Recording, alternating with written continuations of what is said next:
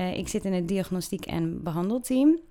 Dus ik doe zowel diagnostiek bij kinderen, eh, dus onderzoek naar eh, nou ja, ADHD of, of, nou ja, of nou ja, wat voor hulp voor ouders goed is om in te zetten, of voor de kinderen zelf. Maar dus ook behandeling. Dus ik geef traumabehandeling aan kinderen. Ehm, en ik geef hele intensieve opvoedondersteuning. En dat is eigenlijk het grootste stukje van mijn werk, of stuk. Dat was Dilani Quint uh, die je net hoorde. Zij werkt als orthopedagoog. Je doet iets met ouders en opvoeding en kinderen. Dat is een uh, beroep waar je dus uh, heel veel kanten mee op kunt. En dat heeft Dilani ook gedaan, want ze heeft al verschillende dingen gedaan in haar carrière, zoals ze ons uitlegt in het interview. En op dit moment werkt ze als supernanny. Ken je dat programma nog? Vroeger had je op tv, eh, ja, dat was echt een. Eh, en toen we denk ik een jaar of 15 waren, in 2005 denk ik ongeveer, vier. Had je zo'n Engelse dame die dan in gezinnen kwam en die ging dan ouders coachen in de opvoedsituatie. Haar werk is in het echt wel anders dan op tv. In het echt ligt het namelijk nooit, nou ja, eigenlijk nooit aan de kinderen. En draait het altijd om het gedrag van de ouders.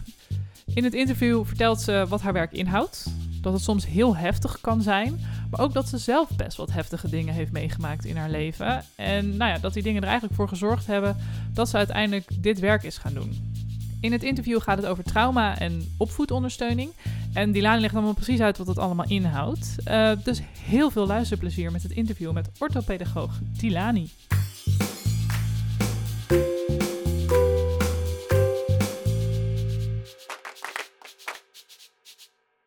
Wie ben je voor de luisteraar en wat doe je voor werk? Zo, een directe vraag. Ja.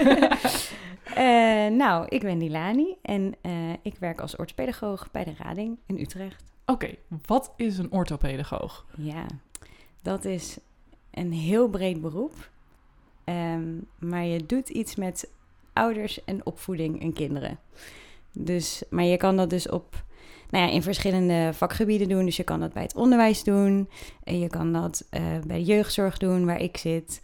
Uh, je kan onderzoek doen, dus de forensische kant op. Je kan dat doen, ja, noem maar iets. Bij een kinderdagverblijf tot aan op een instelling waar ze jongeren opvangen, begeleiden. Eigenlijk heel breed. Oké, en het is ook echt, je hebt de opleiding orthopedagogiek gedaan. Daar is een opleiding voor. Ja. Ja.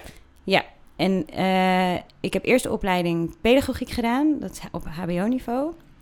En daarna de pre-master orthopedagogiek, omdat het dan een schakeljaar is naar de universiteit. En daarna de master uh, orthopedagogiek. Maar uh, hij valt ook onder pedagogische wetenschappen. Oké. Dus dat is ongeveer hetzelfde. En als ik aan pedagogiek denk, dan denk ik meteen aan kinderen. Klopt dat? Ja, dat klopt. Want het heeft alles te maken met kinderen. Oké, en jouw werk dus ook? En de ontwikkeling van kinderen, ja. Ja, ja. want wat doe jij nu precies voor werk? Uh, wat ik nu doe, uh, ik zit in het diagnostiek- en behandelteam. Dus ik doe zowel diagnostiek bij kinderen, uh, dus onderzoek naar nou ja, ADHD of, of, nou ja, of nou ja, wat voor hulp voor ouders goed is om in te zetten, of voor de kinderen zelf. Maar dus ook behandeling. Dus ik geef traumabehandeling aan kinderen. Um, en ik geef hele intensieve opvoedondersteuning. En dat is eigenlijk het grootste stukje van mijn werk, of stuk, stuk van mijn werk. Oké. Okay. Um, en dat is dus, nou ja, ik weet niet of je nog vroeger Super Nanny kent. Nee. Oh, wat heb ik gemist? Oh, oh, heb gemist? Uh, vroeger had je op tv, uh, ja, dat was echt een. Uh, en toen we denk ik een jaar of 15 waren, in 2005, denk ik ongeveer vier, had je zo'n Engelse dame die dan in gezinnen kwam en die ging dan ouders coachen in de opvoedsituatie. Die Joe. Ja, Joe ja, Frost. Ja, die ja. ken ik. Ja. ja, nou, en ongeveer dat doe ik nu. Jij bent nu de supernanny. Ja. Oh my god. het heet ook een Nanny Plus team, dus het heet ook echt oh, wow. nannies. Echt super grappig. Maar kan ik me dan dus ook voorstellen dat jij dus naar gezinnen gaat die van die super lastige kinderen hebben, die alleen maar hun eigen zin doen, alleen maar snoep eten de hele dag en alleen maar een rotser van het hele huis maken en dan ga jij ze opvoeden? Nou ja, ongeveer. Maar nee, ik ga ze niet opvoeden. Ik ga ouders ondersteunen in de opvoeding. Um, maar het gaat vooral om kinderen um, waarbij ouders eigenlijk al best wel veel hebben geprobeerd. Eh, en, en eigenlijk de, de reguliere zorg van 9 tot 5. Vaak hebben ouders bijvoorbeeld de opvoedondersteuning gehad, tussen, waarbij de uh, hulpverlener er gewoon tussen 9 en 5 is. Of in ieder geval met vragen. Of, um, en ik ben er echt onregelmatig. Dus als ouders met problemen hebben om kinderen naar bed te brengen, dan ben ik daar. Oké. En als ouders problemen met hun kinderen naar school te brengen tijdens het ochtendritueel, dan ben ik daar. Dus ik kom echt op de momenten dat het, nou ja, dat het ouders dus eigenlijk nou ja, niet lukt. En, en zet ik ze in hun kracht. En, uh, um, en dat wil niet zeggen dat mijn werk nou beter is dan van 9 tot 5 banen uh, opvoedondersteuning. Um, maar bij sommige ouders, die zijn daar gewoon, daar werkt het gewoon niet bij. Die kunnen dan gewoon niet de tips die zij krijgen van de opvoedondersteuner omzetten tijdens andere momenten van de dag. En dan, ja, en als dat niet lukt, dan kunnen wij daar iets in betekenen. Ja, ja. op zich logisch, want kinderen zijn niet van 9 tot 5. Die heb je, nee. heb je 24 uur per dag. Ja. ja. ja. En wat voor gezinnen zijn dit? Kan je daar wat over vertellen? Mag je daar wat over vertellen? Ja, daar kan ik wel wat over vertellen. Um, nou ja, voornamelijk zijn het gezinnen die graag vrijwillige hulp willen. Uh, dus gezinnen die dus problemen hebben met opvoeden, Um, waarbij er op school bijvoorbeeld is geconstateerd dat, het, dat er gedragsproblemen zijn. Um, nou ja, die, komen, die, um, die kloppen dan aan bij het wijkteam of bij het buurteam. Die geven dan aan, hè, het lukt me niet. Nou, dan gaan ze samen met het wijkteam kijken van, nou, wat zou uh, passend zijn? Waar loop je tegenaan? Nou, en dan de ene keer kom je er dus achter dat ze dus wel met bepaalde gesprekken dat dat voldoende is. En andere gezinnen, daar zeggen ze, nou, uh, hè, Nanny Plus is wel wat voor jou. Maar ik heb dus hele uiteenlopende gezinnen, namelijk van hoogopgeleide mensen uh, met een kind met autisme.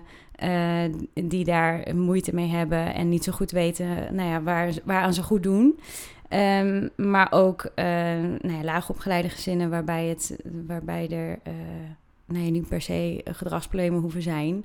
Um, bij de kinderen zelf, maar wel gedragsproblemen worden ervaren. Dus niet dat de kinderen um, bijvoorbeeld iets van uh, een, een, een, diagnose hebben, maar er wel problemen worden ervaren. Ja. Uh, het gaat voornamelijk om de ervaring van problemen, niet zozeer over wat echt wat is. Maar er worden door ouders problemen ervaren en daar doen we wat mee. En zorgen dat er eigenlijk meer rust in de opvoedsituatie komt. En ouders um, sterker worden en zichzelf zelf sterker voelen in ja. de opvoeding. En jij zei net iets over trauma. Waar moet ik me dan, wat moet ik me dan voor trauma voorstellen? Dat kan ook heel uiteenlopend zijn. Um, dat kan, trauma's kun je eigenlijk, dat is eigenlijk een. Um, ja, nu moet ik het even goed uitleggen. uh, een, kinderen en mensen kunnen natuurlijk ook trauma's hebben. Uh, je, als je een bepaalde ingrijpende, uh, ingrijpende gebeurtenis hebt, dat kan een scheiding zijn, seksueel misbruik, um, kindermishandeling, dat je geslagen wordt, verwaarloosd wordt. Dat valt allemaal onder nou ja, ingrijpende gebeurtenissen. En wij mensen kunnen daar, reageren daarop. Um, en iedereen doet het anders. En je hebt dus de fight, flight, freeze methode of uh, uh, theorie, ik weet niet of je dat ja. kent, maar dat je dan inderdaad of je bevriest in een bepaalde situatie, of je loopt weg of je vecht juist. En bij ons allemaal is dat verschillend. En um, nou ja, die, in, in zo'n abnormale situatie eigenlijk uh, geven wij een reactie. En soms hebben, blijven mensen daar last van hebben. Dat als er dan geluiden zijn of uh, je ruikt iets, dat je dan eigenlijk weer herbelevingen krijgt. Of dat je bepaalde situaties vermijdt. En dat je eigenlijk daar in het dagelijks leven zoveel last van hebt. Dat je dus niet meer aan leren toekomt. Of dat je je bed niet meer uit wil komen. Dus eigenlijk, eigenlijk dat, je, dat je een gewone leventje eigenlijk uh, is verstoord. Um, en dat kan kinderen natuurlijk ook overkomen. En wat ik dan doe, is ik geef. Er zijn heel veel manieren van traumabehandeling. Maar ik geef dan uh, Right Junior. En dat is een schrijftherapie voor kinderen. Waarbij we dus eigenlijk de ingrijpende gebeurtenissen opschrijven. En de negatieve gedachten die zij daarbij hebben. Dus de gedachten met het is mijn schuld. Of ik ben niks waard. Of ik heb het niet goed gedaan. Die gaan we dan ombuigen naar je hebt het hartstikke goed gedaan. Uh, je hebt het, het is niet jouw schuld. Uh, je bent hartstikke sterk.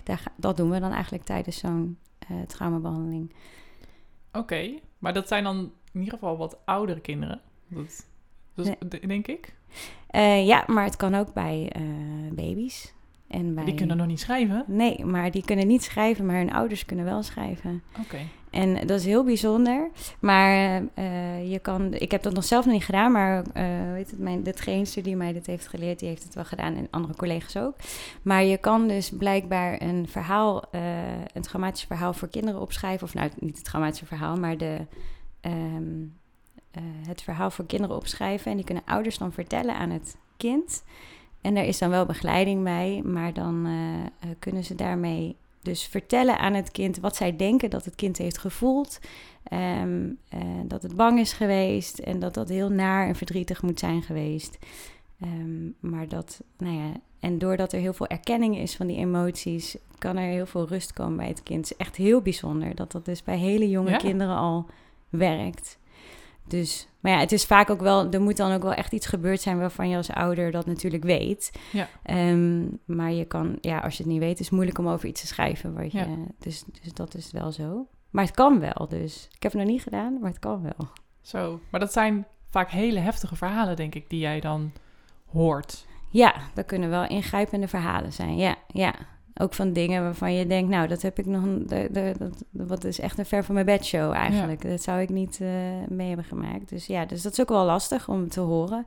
Het is ook wel belangrijk daarom dat je goed met je collega's bespreekt eh, eh, wat, er, wat het kind vertelt en wat het voor jou betekent ook als, als eh, behandelaar natuurlijk. Ehm, want ja, een, een kind laat natuurlijk wel emotie zien en, en wij zijn ook allemaal mens, dus dat voelen we ook. Dus eh, ja, het is wel echt belangrijk dat je dat met je collega's eh, bespreekt en, Ja. er, eh, en je daarin ook supervisie krijgt. Dus ja, maar anders in je eentje is het niet te doen, nee. Want neem je het wel eens mee naar huis? Dat je, dat je een verhaal hoort en dat je, zo, dat, dat, dat, dat je zo aangrijpt dat je het eigenlijk niet los kan laten? Ja. Ja, ik heb ook wel in het verleden zelf ook wel moeilijke dingen meegemaakt. Nou, niet per se zelf trauma's, maar meer moeilijke momenten in mijn baan met gezinnen. Eh, die ik inderdaad wel meeneem. En, en ja, dan is het toch wel belangrijk dat je erover ook, zowel met je collega's, maar ook eh, met je thuisfront over kan praten. Eh, want je moet het ook kwijt. Ja. En ja.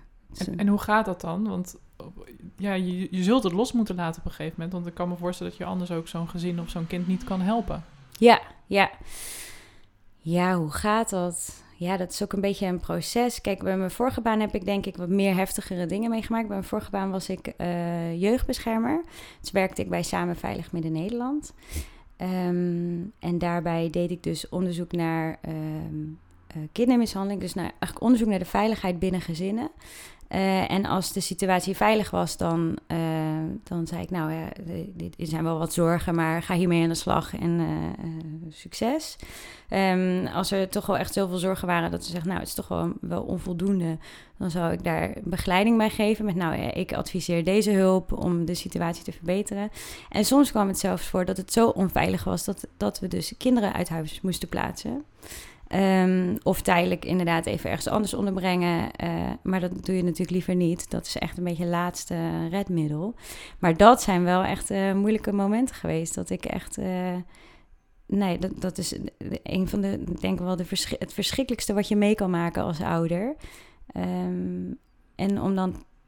Je staat er echt met een dubbel gevoel van ja, ik, ik moet nu deze beslissing. Nou, ik maak die beslissing trouwens niet Mhm. zelf hoor. Dat doe je met, wel met gedragswetenschapper en, en je team. Dus dat is niet eh, dat dat bij mij als persoon ligt, maar en wel echt wel overwogen.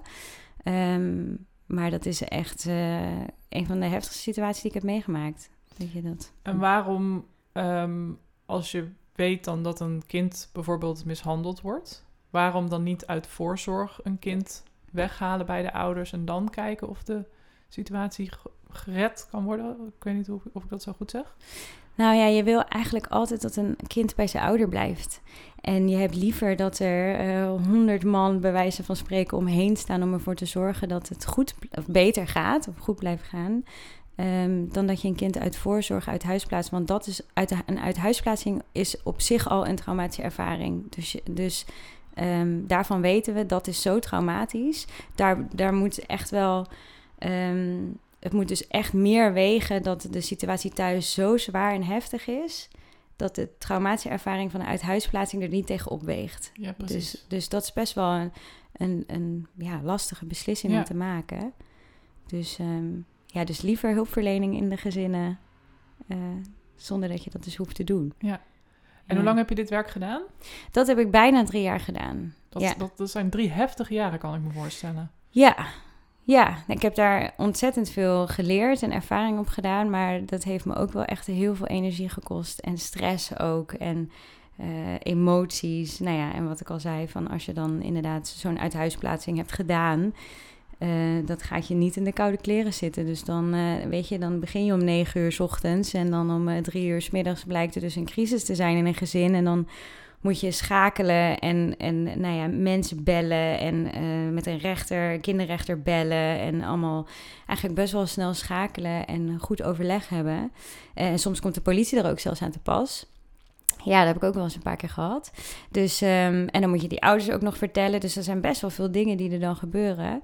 Ehm, en dan kom je om elf uur een keertje thuis, omdat het eh, S'avonds. omdat het rond is en je het kind weg hebt gebracht eh, en ouders hebt ingelicht over wat nou de verdere procedure is en eh, wanneer ze hun kind wel weer mogen zien en spreken, want dat is natuurlijk super belangrijk. en ja, het klinkt allemaal alsof het voor mij heel heftig is, maar voor ouders is het echt nog steeds echt keer duizend heftiger. Maar ja, het is niet, ik doe dat niet voor de lol. Nee. Dat is niet iets wat je doet. Eh dan moet je wel, eh, ja. wel overwogen doen. En ik hoor ook aan jou dat er, dat er dus heel veel mensen eh, bij betrokken worden. Dus dat het niet een een of ander maniertje op een kantoortje is die dan beslist van, oh, dan- zet dat kind maar ergens anders neer. Maar dat Nee. het echt met heel veel experts en heel veel kunde en heel veel zorg voor die kinderen wordt gedaan. Ja, ja. En het gebeurt ook niet van de een op andere dag. Dus vaak is er al, zijn er al hulpver, hulpverleners al best wel lang betrokken. Ehm, en is het de hele tijd de afweging maken van is het nog goed genoeg of niet? En wat moeten ouders doen om het wel goed genoeg te laten zijn? Dus het is ook niet een beslissing die je van de een op andere dag neemt. Nee. Ehm, dus ja, maar het is altijd spannend. Ja. En- En na drie jaar dacht jij, het is genoeg. Ja, nou, eh, wat het eigenlijk was, is dat ik dus ehm, mijn. Ik heb een HBO-studie net eerst gedaan, vertelde ik net. En toen wilde ik heel graag eh, dus orthopedagogiek gaan doen. Toen ben ik na mijn HBO eerst gaan reizen. Ik ben heel hard gaan werken en toen gaan reizen, backpacken in Zuid-Amerika. Wat heerlijk. Ja, dat was echt, eh, echt een hele mooie, leuke ervaring. Ehm, dus een tussenjaar gehad. En toen was ik in Zuid-Amerika eh, als, ik bedenk dat ik, ik was volgens mij 2013. Dus was ik denk ik 22, ja. En toen, ehm, na twee maanden, overleed het broertje van mijn beste vriendin. Oh. Ehm, die heeft zelfmoord gepleegd. Dus dat was best wel gek om aan de andere kant van de wereld te zitten en er niet voor mijn beste vriendin te kunnen Ja. zijn. Dus dat was best wel een heftige situatie. Ehm, en drie weken later werd ik gebeld dat mijn vader kanker had. Dus dat was ook wel eh, heftig. Dus toen ehm, ben ik eh, teruggekomen, vier dagen eerder dan gepland. eh, omdat mijn vader met chemo zou starten. En dan zou ik dus nog precies op tijd zijn dat hij nog zonder, ja, zonder chemo. ja. En toen, ehm, nou ja, dat was dus in juni 2013. Ja, en in september 2013 startte ik met die pre-master. En die moest ik in één jaar halen. Eh, omdat je anders moest je van die opleiding af. Dus eh, heel hard gewerkt. Terwijl mijn vader ondertussen chemo's had, operaties had. Eh, het was eigenlijk wel een gekke situatie dan, want hij lag in het UMC en ik zat op Universiteit Utrecht. Dus dan had ik bijvoorbeeld een les en dan ging ik echt zo van 100 meter verder naar het UMC. Want daar lag mijn vader dan in het ziekenhuis eh, en dan ging ik even op bezoek. Dus dat was Ja. eigenlijk wel, wel, wel fijn dat het allemaal kon, maar ook wel een hele gekke situatie Ja. natuurlijk. Dus toen heb ik heel hard gewerkt en dat jaar in één keer gehaald. En eh, met vlag en wimpel. En toen eh, startte ik in het jaar daarna met mijn master. En toen dacht mijn hoofd echt, ik kap hiermee. Dus toen bleek ik overspannen te zijn. En, eh, ja, dus toen zei de psycholoog tegen mij van... ja, je bent gewoon echt... je hebt hartstikke hard gewerkt afgelopen jaar. En nu zegt jouw lichaam eigenlijk tegen jou... eh, we gaan dit gewoon niet nog een keer doen. Nee. Dus, eh, dus toen heb ik mijn masterjaar in twee jaar gedaan. Dus wel gedaan, maar in twee jaar, want ik had een hele leuke stage. Ehm, en dat ging eigenlijk heel goed. En ondertussen ging het beter met mijn vader. Ehm, en toen, ehm, in twee jaar later, ik even denken, toen had ik mijn master afgerond. Ja, dus dat was in 2015, 2016. Nou ja, in ieder geval nadat ik mijn master had afgerond in die week, overleed mijn beste vriendinnetje. Dus uh, toen uh, dacht mijn uh, hoofd ook van, nou, wat, wat gaan we nu allemaal doen? Dit trek ik niet. Dus, dus um, dat was echt ook een hele heftige situatie natuurlijk. traumatisch kun je zeggen. Ja. Dat zijn traumatische ervaringen. Um, nou ja, dus ik dacht echt, nou ben ik afgestudeerd orthopedagoog. en nou moet ik werk gaan vinden op een arbeidsmarkt waarbij het echt super druk is. Uh, en iedereen die moest maar iets speciaals hebben gedaan, want anders werd je niet aangenomen.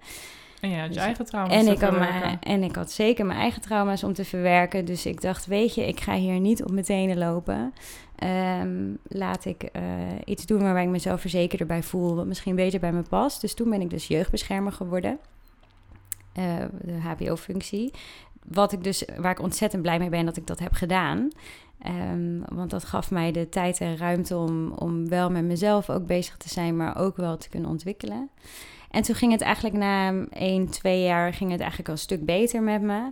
Uh, zat lekker in mijn vel. En toen in 2018 overleed mijn vader. Maar dat was wel, dat zagen we wel aankomen. Dus het was niet plotseling. Um, uh, maar de kanker was teruggekomen. En uiteindelijk bleek dus dat het, dat het gewoon een einde aflopende zaak was. Um, dus dat was dan in, uh, nou ja, in 2018. En daar kijk ik op terug als een heel mooi en warm moment. Want we hebben dat als familie en als gezin echt super mooi met elkaar gedaan. Dus ik, ik heb ook helemaal geen negatieve uh, herinnering daaraan of zo. Dus dat vind ik eigenlijk heel mooi. Ik zou het iedereen gunnen om zo'n afscheid te hebben en zo'n uh, zo'n mooi proces daarin. En dat deed, deed me eigenlijk denken van, hè, waar sta ik nou in mijn leven? Hè? En er is best wel veel gebeurd in de afgelopen jaar. Um, nou, afgelopen jaren? Jaren, ja zeker. Ja, afgelopen jaren best wel veel. In best wel een belangrijke tijd in mijn leven. In mijn studententijd en, ja. uh, en je, als starter op de arbeidsmarkt. En toen dacht ik, ja, past deze baan wel bij me? Wat wil ik eigenlijk in mijn leven? En uh, ik zat thuis natuurlijk, nadat mijn vader dus was overleden, heb ik er, heb ik er vier, vijf maanden over gedaan om te reïntegreren. En dat was eigenlijk de tijd dat ik dacht, ja, ik, volgens mij moet ik gewoon een andere baan zoeken. Want uh, deze baan levert mij zoveel stress op. Er zijn, en er zijn ook superveel mooie momenten geweest als jeugdbeschermer. Um, vooral als je kinderen thuis plaatst of als er uh, als je succes bereikt met gezin en je ziet dat ze groeien, weet je, dat is echt super mooi om daar onderdeel van te zijn en dat te zien. Maar dat woog voor mij niet op tegen de moeilijke momenten die er waren. Uh, en hoeveel stress het me dus opleverde elke dag weer om, om dat werk te kunnen doen. En toen dacht ik, ja, ik moet gewoon zoeken naar een andere baan, of wat beter bij me past. Um, en toen ben ik dus gaan, nou ja, gaan rondkijken. En toen kwam ik uit bij de rading. En toen eigenlijk ging eigenlijk best wel snel. Dus heb ik gesolliciteerd en vier maanden later, vijf maanden later had ik uh, een nieuwe baan. En uh, een baan waarbij ik veel meer mijn eigen ding kan doen. Mijn ei kwijt kan, veel meer rust heb, minder stress. En ja, eigenlijk zorgde dat ervoor dat ik een stuk beter in mijn vel ben gaan zitten dan, uh, dan eerst. Ja. Ik denk dat het een goede beslissing is geweest. Maar ja. Maar dat klinkt, want jij, want je had het net over trauma's bij andere verwerken, maar jij hebt dus zelf ook behoorlijk wat te verstouwen gekregen in je leven. Ja. Is dat iets wat ja. jou... Ja. ja, nu dat zo zegt, ja. Ik denk dat als luisteraar op mij komt er behoorlijk... Uh, ja, ja, best wel heftige verhalen komen, uh, vertel je. En dan ja. vervolgens ga je naar gezinnen waar dezelfde soort verhalen zijn. Al dan niet heftiger. Heb je daar ook... Dat je, omdat je het herkent, omdat je het gevoel herkent dat je nou, ook als ervaringsdeskundige die mensen ook kan helpen? Ja, dat denk ik wel, maar ik had er niet zo naar gekeken. Maar ik denk wel dat ik heb inderdaad best wel wat meegemaakt in mijn leven. En ik denk dat dat ja, niks is. Ik weet niet. Ik vind ook niet zo heel veel dingen gek. Eh, zo zie je maar dat ieders leven anders is. En, eh, maar dat je er ook wel weer over bovenop kan komen. En dat ik denk, ja, die kracht zou ik andere mensen ook gewoon wel willen gunnen. En willen dat ze dat hebben. En dan ben ik daar liever onderdeel van eh, dan, dan niet. Ja. Dus ja. Ja, nu je dat zo zegt, denk ik, oh ja, daar heb ik best wel veel meegemaakt. Ja. ja. Ja. En dan eigenlijk, want nu ben je dus de supernanny, zoals je het eh, Zeker, zeker, ja. omschreef.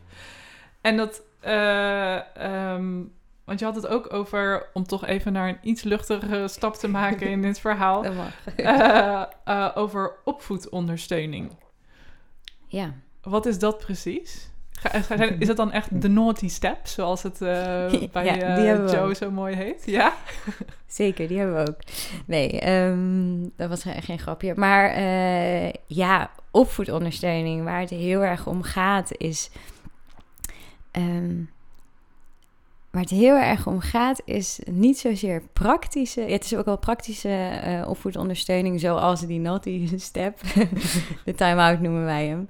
Eh, zet ik overigens echt niet altijd gezin. eh, vertel, leg ik niet uit in ieder gezin. Omdat ik, het niet nodig is of omdat gezinnen al wel hun eigen manier erin hebben. Ehm, waar het heel erg om gaat is bewustwording van je eigen gedrag op je kind. Ehm, en heel veel is eigenlijk best wel goed. Ehm, maar er zijn ook gewoon dingen die echt niet mogen, zoals je kind slaan en, en dat soort dingen. Maar ehm, eigenlijk vertel ik niet heel veel nieuwe dingen soms aan ouders. Vaak denken ze wel, oh ja, dat weet ik eigenlijk wel. Het gaat vooral om die bewustwording over je eigen, eigen gevoel, je eigen impact op je kind. En goed nadenken over wat je kind denkt en voelt. Ehm, je inleven in je kind. En dat eh, vergeten we soms. Ehm, en dat is niet erg, maar het is wel belangrijk om daar wel bewust, wat bewuster mee om te gaan. Ehm, dus vaak heb ik, doe ik een combinatie tussen coaching, dus echt praktisch. Eh, met, eh, dan zeg ik echt letterlijk tegen ouders van nou, eh, probeer nu een compliment te geven of probeer dit te negeren. Dus dat is echt heel praktisch in een opvoedsituatie. Maar ook heel moeilijk, want als een kind de hele boel bij elkaar aan het schreeuwen is... Ja, zeker. En eh, jouw advies is, probeer dit te negeren. Dan kan ik me voorstellen dat die ouders er op hun nagels aan het bijten zijn. Ja, dat komt ook zeker wel eens voor. Ehm, maar wat het dan is, is dat eigenlijk is het dus een soort eh, parallel proces. Een kind wordt pas rustig als je zelf rustig bent. Als je zelf in paniek ben- raakt, dan kan jij er dus niet zijn voor je kind om je kind te kalmeren. Dus als een kind in paniek is of boos is, dan is het belangrijk dat de ouder rustig is. Als het niet, voor de ouder niet lukt om rustig te zijn, dan ben ik er voor die ouder om de ouder te kalmeren. Dus ik ga het kind niet kalmeren, maar ik ga de ouder kalmeren. En zo zorg je er dus voor dat de ouder leert wat hij moet doen om zijn kind te kalmeren. Ja, en wat hij dus kan doen als jij er niet meer bent. Precies, Ja. precies. Dus daarin neem ik het dus niet over. Ik laat alleen zien hoe je het wel kan doen, alleen dan bij de ouder. Ja. En dan geef hem daar, de ouder daar een hand vatten. En, Ja. en natuurlijk eh, gaat het wel eens niet zoals je had gedacht. En ik kom daar ook en ik kan niet van tevoren bedenken wat kinderen gaan doen. Want dat Het zijn bestaat kinderen. niet. Het zijn kinderen. Het is het leven. Eh, soms sta ik daar ook en dan gebeurt er iets en dan denk ik, oh, ehm, hmm, ik weet het nu ook even niet.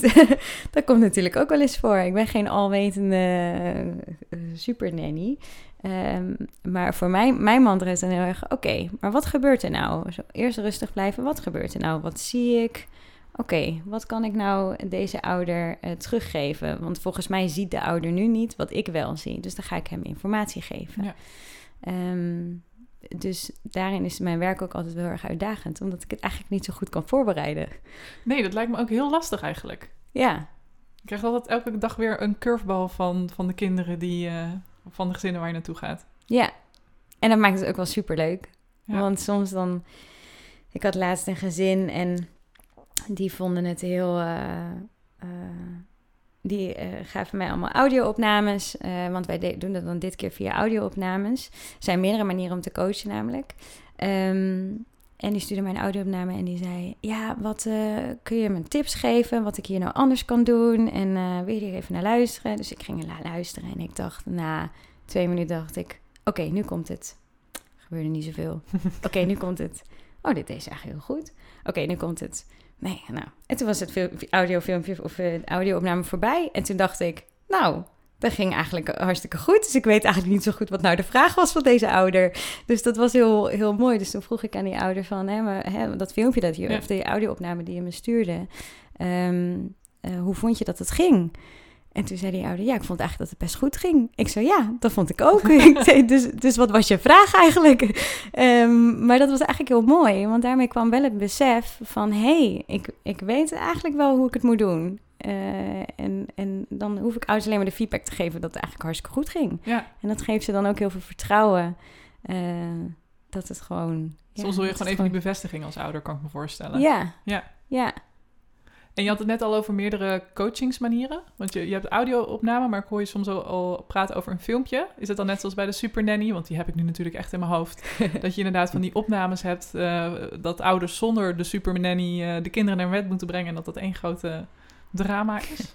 Ja, nee, ja, we hebben dus eh live coachen, dus echt dat ik er ben. Mhm. En dat is in sommige situaties is dat best makkelijk. Ik leg kinderen dan ook altijd uit dat ik een soort plant ben, een soort kamerplant die niet kan eh, praten. Want in de eerste weken ga je namelijk observeren. Ehm, dus dat betekent dat ik dan er ben, maar ik ga niks zeggen en ik kan niks. En ik ben er alleen maar om te kijken. En ik leg wel uit dat ik soms even wat dingen opschrijf, omdat ik niet alles kan onthouden natuurlijk.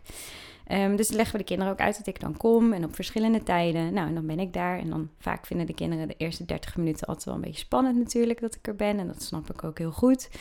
Ehm, maar vaak merk je ook dat ze het eigenlijk wel prima vinden dat ik er sta, dat ik meeloop en eh, eh, dat ik daarin geen dreiging ben of zo. Ehm, maar ja, andere kinderen die vinden het ook weer super grappig. Dus die halen alles uit de kast om mij maar te laten lachen of iets. Of eh, om iets uit me te krijgen. Dus eh, ik heb al dansjes voorbij zien komen. En kinderen die op de grond gaan liggen. En eh, nou ja, heel hard lopen schreeuwen om maar te kijken wat eruit komt. Ja, wat ik dan doe is dat ik kinderen heel actief negeer. Ehm, Dat lijkt me heel moeilijk. Dat is ook best wel lastig. Maar dan ga ik zo van de schilderijtjes bekijken in het huis. En dan, ja, dan dan kijk ik naar het bloemetje wat er staat en eigenlijk geen aandacht geven. En 9 van de 10 keer draaien die kinderen wel weer bij en dan is het ook wel weer, dat duurt niet zo heel lang. En heb je dan nooit de neiging om toch iets, om even in te grijpen of om toch even nee niet doen of iets te zeggen? Nee, dat leer je wel om dat niet te doen. Het, het, eh, ehm, wat het namelijk is, is dat het juist ook heel mooi is om te observeren, want dan kun je zien wat er natuurlijk gebeurt. Dus dan kun je juist in die, dat soort situaties ook heel goed uitleggen aan ouders. Nou, weet je nog die situatie? Da- Dat, dat, dat, wa- daarbij was dit en dit eh, misschien niet handig, maar dit deed je weer heel goed. Ehm, maar ik heb niet het idee om daarin in te grijpen eh, in zo'n situatie. Maar, en dan heb je geobserveerd en dan eh, ga je een plan van aanpak maken met ouders. En dan ga ik ze vertellen wat ik heb gezien en nou ja, hoe we het, wat we gaan doen in de komende weken. En dan heb je dus meerdere opties om te coachen. En nee, je kan er dus dan staan. En bij jongere kinderen eh, is dat wat makkelijker dan bij oudere kinderen. De hulpverleningsvariant die ik doe is tussen de 0 en 12 jaar.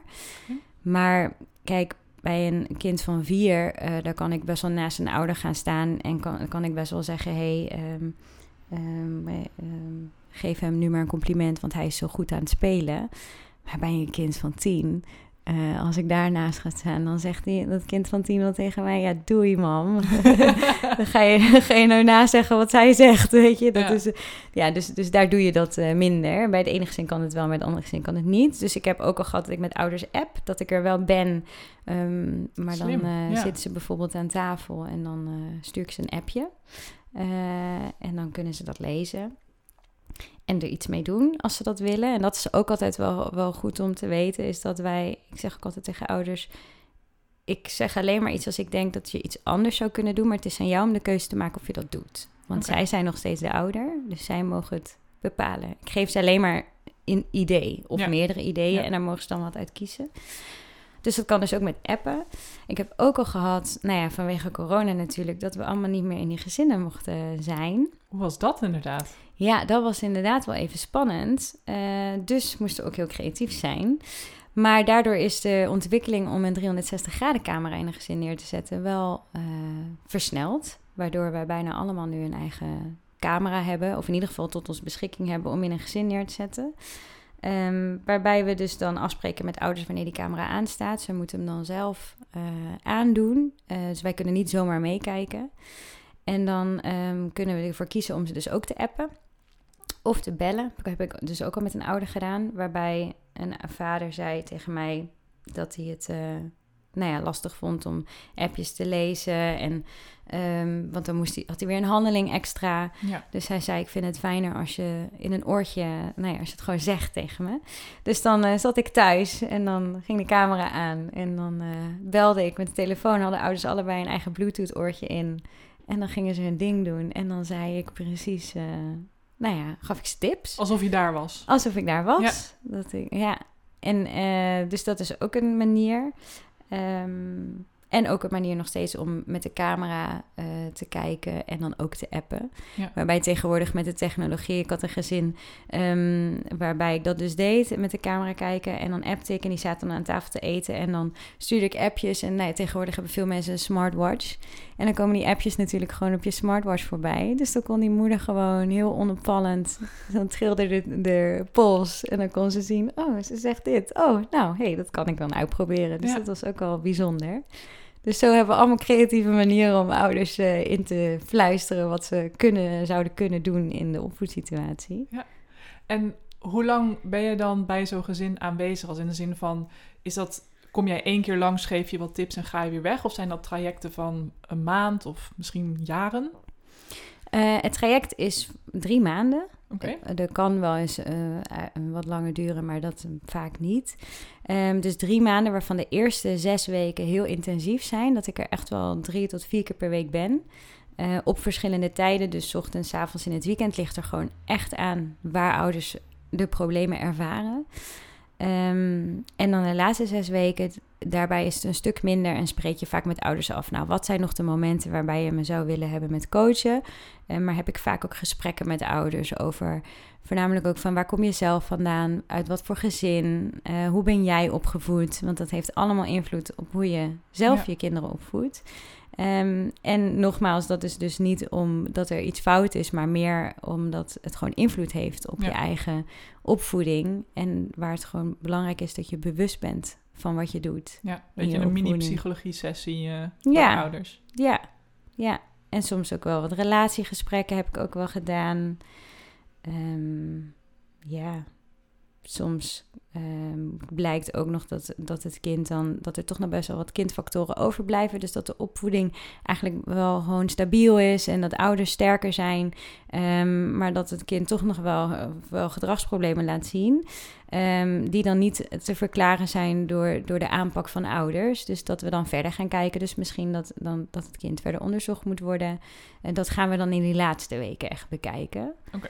En het, eh, de kracht is heel erg intensief en voor een korte periode. En dan zie je vaak snel verschil. Ehm, en dat is een beetje de kracht van de interventie. Dus het Ja. heeft niet zoveel zin om dit een jaar te doen. Ehm, dan- want dan zwakt het ook af. Je moet Ja, eigenlijk in een korte periode snel anders handelen. Om het verschil te kunnen zien en er dus achter te kunnen komen of dat er nog andere zaken zijn die misschien Ja. aangepakt moeten worden. Ja, Ja. ja precies. En ik kan me voorstellen dat ouders hier naar luisteren en dat ze denken, ja, ik, dacht- ik, ik, ik dacht altijd dat er met mijn gezin niks mis was, maar ik heb ook echt ontzettende moeite met een aantal standaard dingen in de dag. Zijn, kunnen die dan bellen of waar moet je aan voldoen om in aanmerking te komen voor een supernanny zoals jij? Ja, dan eh, moeten er echt wel, wel voor een langere tijd problemen spelen. Ehm, en maar als je nu denkt, oh, ik heb eh, ook vragen of iets, dan zou ik vooral het wijkteam of het buurteam bellen. Eh, en vragen van ja, ik, ik loop toch tegen dingen aan. Kan ik een gesprek hebben met iemand over de opvoeding? Soms zijn gesprekken ook al voldoende. Je soms hoef je niet eens in de opvoedsituatie te zijn eh, om dingen te veranderen. Het gaat vooral om die bewustwording. En dat kan vaak ook al met gesprekken. En laagdrempelig dus bij het wijkteam. Ja. En wat zijn dan problemen? Want je hebt het over, er moeten langer problemen zijn. Wanneer is iets een probleem? Als je een kind hebt dat nooit zijn tanden wil poetsen. Maar uiteindelijk lukt het altijd wel binnen een half uur. ja, dat is wel een vervelend probleem. Ehm, eh, ik denk dat je dat met eh, gesprekken wel zou kunnen aanpakken. Ehm, wat problemen zijn, is gezinnen nou ja, waarbij er dus al heel erg lang op school uh, bijvoorbeeld gedragsproblemen worden gezien. Waarbij school en ouders al meerdere gesprekken hebben gehad. Dat ze zeggen het verandert niet. Dat er iemand, het wijkteam thuiskomt uh, en merkt dat het, dat het thuis niet goed gaat. Dat ouders overlopen, overbelast zijn.